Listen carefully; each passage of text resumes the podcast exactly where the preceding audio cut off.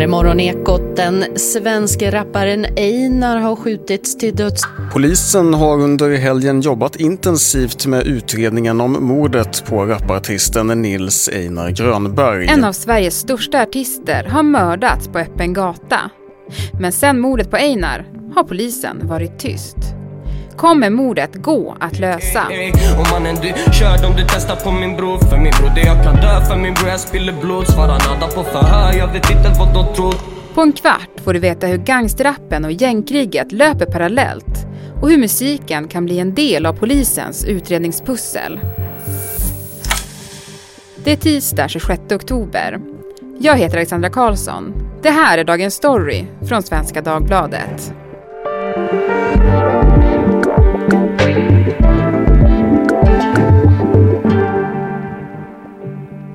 Frida Svensson, granskande reporter här på Svenska Dagbladet.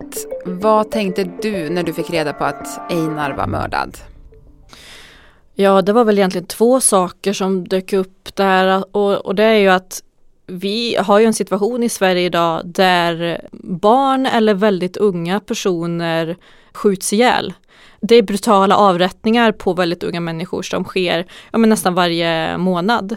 Samtidigt som i det här fallet så är det ju faktiskt en av Sveriges största artister som är offret. Och det är klart att det, det väcker stor uppmärksamhet och starka känslor. Han sköts ju till döds på torsdagskvällen och natten mot fredag pushade Expressen då som var först med att gå ut med att det var just Einar, att han då var mördad. Och du har jobbat med det här hela helgen. Vad har du hört för reaktioner? Ja, telefonen har ju gått ganska varm här under helgen och det är både ja, men upprörda poliser som tycker att ja, men varför lyfter man fram just det här fallet så pass mycket? Samtidigt som man också säger från kriminellas håll att nu måste det här få ett slut.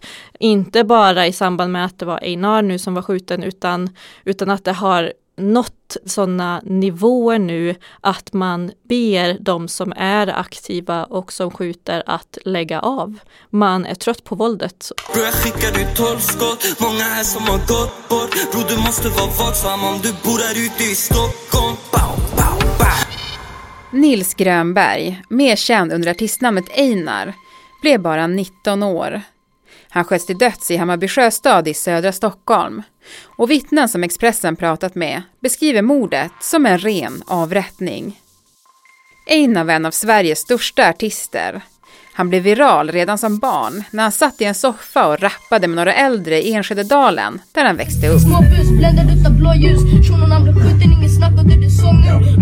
2019, 16 år gammal, släppte han låten Katten i trakten som blev det stora genombrottet. Hans musik strömmades miljontals gånger och han prisades både Peter Guld och Grammy-skalan. Katten i trakten!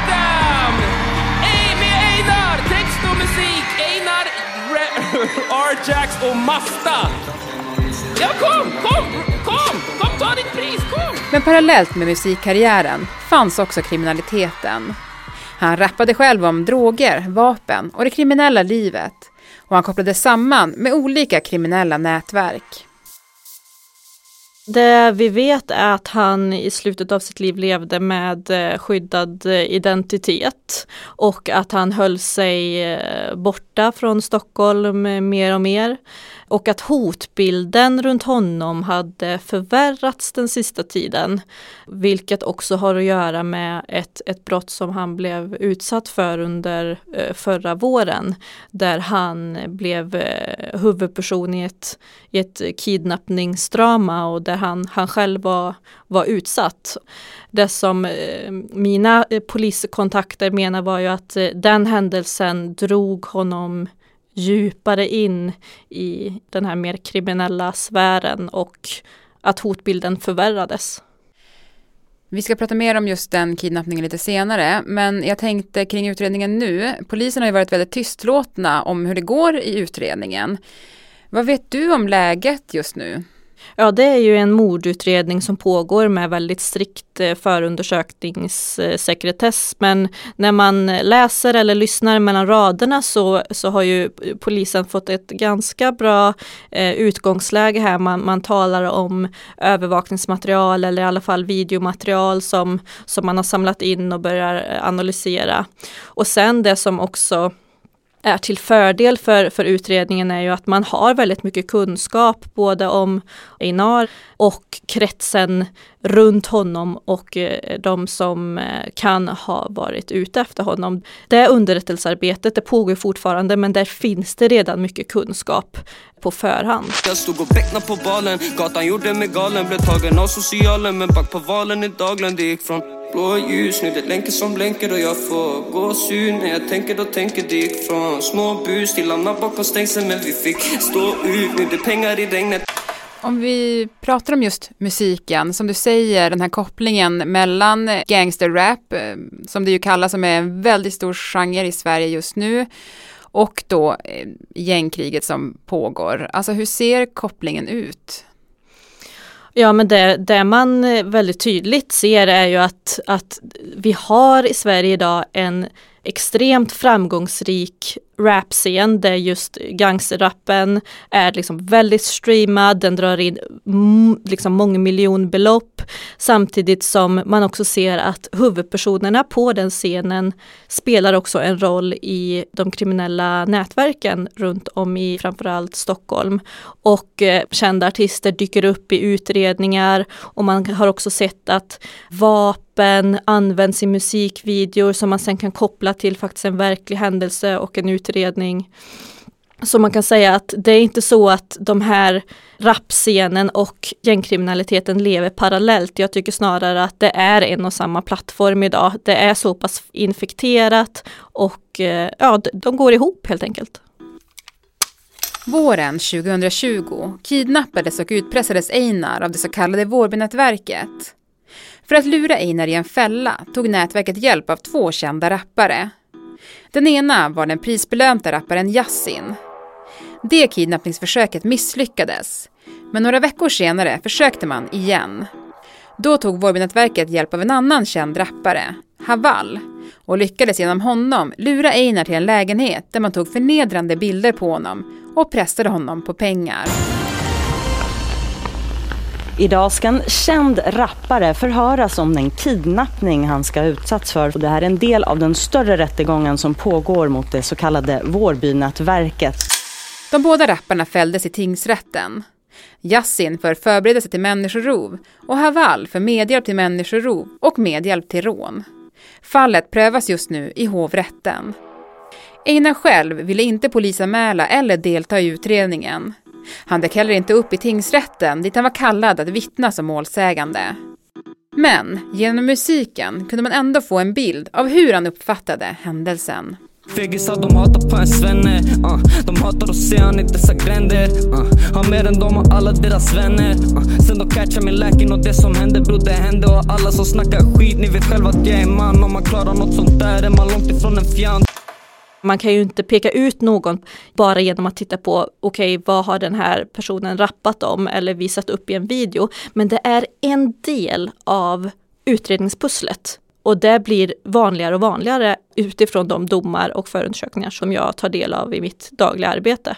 Och just när det gäller den här typen av miljö då, gängmiljö, där är ju alltid kutym att man inte ska prata med polisen och inte berätta någonting. Så att då blir ju det här underlaget eller låtarna eller även musikvideos blir ju en möjlighet att faktiskt få lite svar från dem det faktiskt berör, eller hur?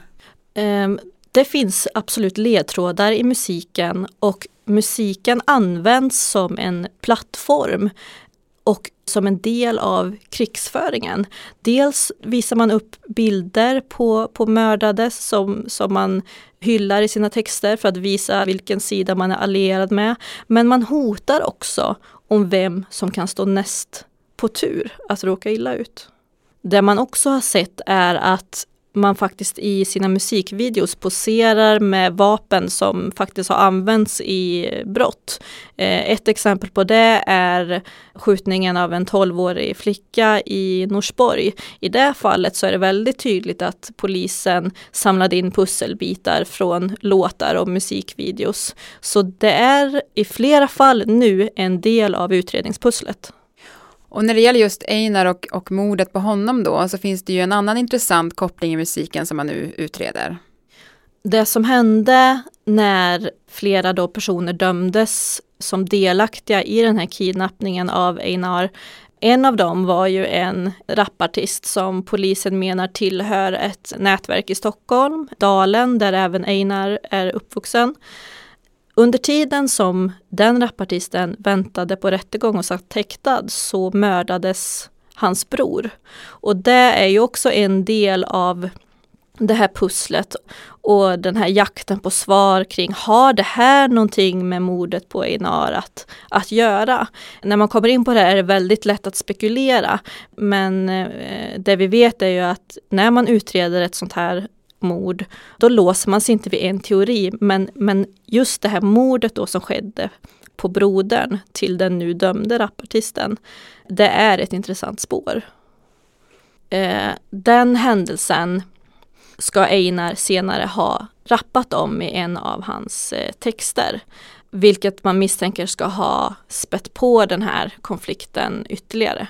Folk här är tokiga, spela inte roliga Jalla låt oss se vem av oss som är modigast Brorsan jag ska pulla på er block och spilla blod I natt efter du är jag ser till att din bror du pratade ju med en annan svensk gangsterrappare som också har levt ett kriminellt liv. Han heter Alex Ceesay. Du pratade med honom i helgen och skrev en text på det. Vad sa han om den här kopplingen som finns mellan gangsterrap och kriminalitet och, och de här händelserna som sker? Ja, jag fick ju kontakt med Alex som ju då också har levt ett kriminellt liv men också har släppt flera låtar och eh, ja, men, rappat väldigt grovt om sitt kriminella liv. Han pratar nu väldigt öppet om hur gangsterinfluerad branschen har blivit och om att ja, man, man använder rapartister som, som lockbete för att eh, få en person att befinna sig på en viss plats och sedan är det ett ett bakhåll där någon försöker skjuta dig. Han säger också att det finns en väldigt stor avundsjuka inom branschen där för mycket rampljus faktiskt kan leda till att du, du blir en måltavla och Einar var ju otvivelaktigt en av de allra största. Och den framgången sticker ju såklart i ögonen på, på ganska många ett ungt liv som släcks och eh, jag förstår också, har förstått att han har betytt mycket för, för många unga människor så det är, det är tragiskt. När det gäller mord med skjutvapen i en gängmiljö så är ju facit för uppklarningen rätt dyster. Tyder något på att det kommer bli annorlunda nu när det gäller mordet på Einar? Om polisen lyckas hitta mördaren eller mördarna, det, det, statistiskt sett så ser det väldigt mörkt ut. Ehm, samtidigt så, så det vi ser pågår när det kommer till de här händelserna är att det finns också en vilja att, att skryta om det. Så det kan ju mycket väl vara så att vi längre fram här får, får en del pusselbitar i vad som egentligen har hänt genom att följa sociala medier och följa låtarna de, de nästa, liksom, de kommande rapplåtarna där, där man möjligen tar upp det här och skryter om det.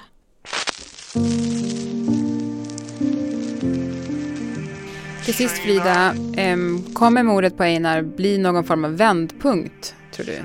Den bilden som jag får när jag har kontakt med personer som har lämnat det kriminella eller försöker lämna det livet bakom sig så har man redan innan, innan mordet på Einar eh, känt att det här måste få ett stopp. Man har tröttnat.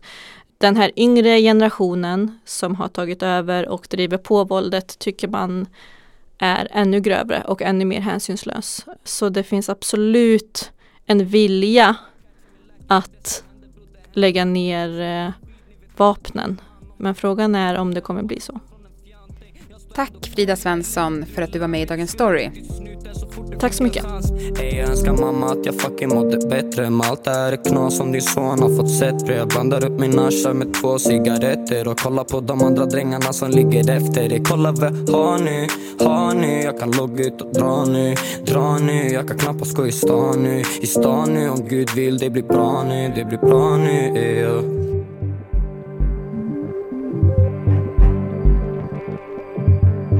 Programmet idag producerades av Daniel Persson Mora. Redaktör var Teresa Stenler från Matern. Och jag heter Alexandra Karlsson. Vill du kontakta oss så mejla till dagensstory.svd.se.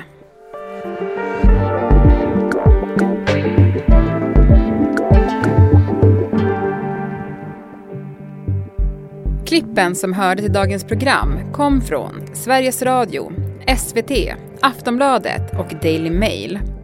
Låtarna som spelades var Unge med extra energi, Dansar, Fast här i trakten, Frank Lucas och Draco, alla av Einar.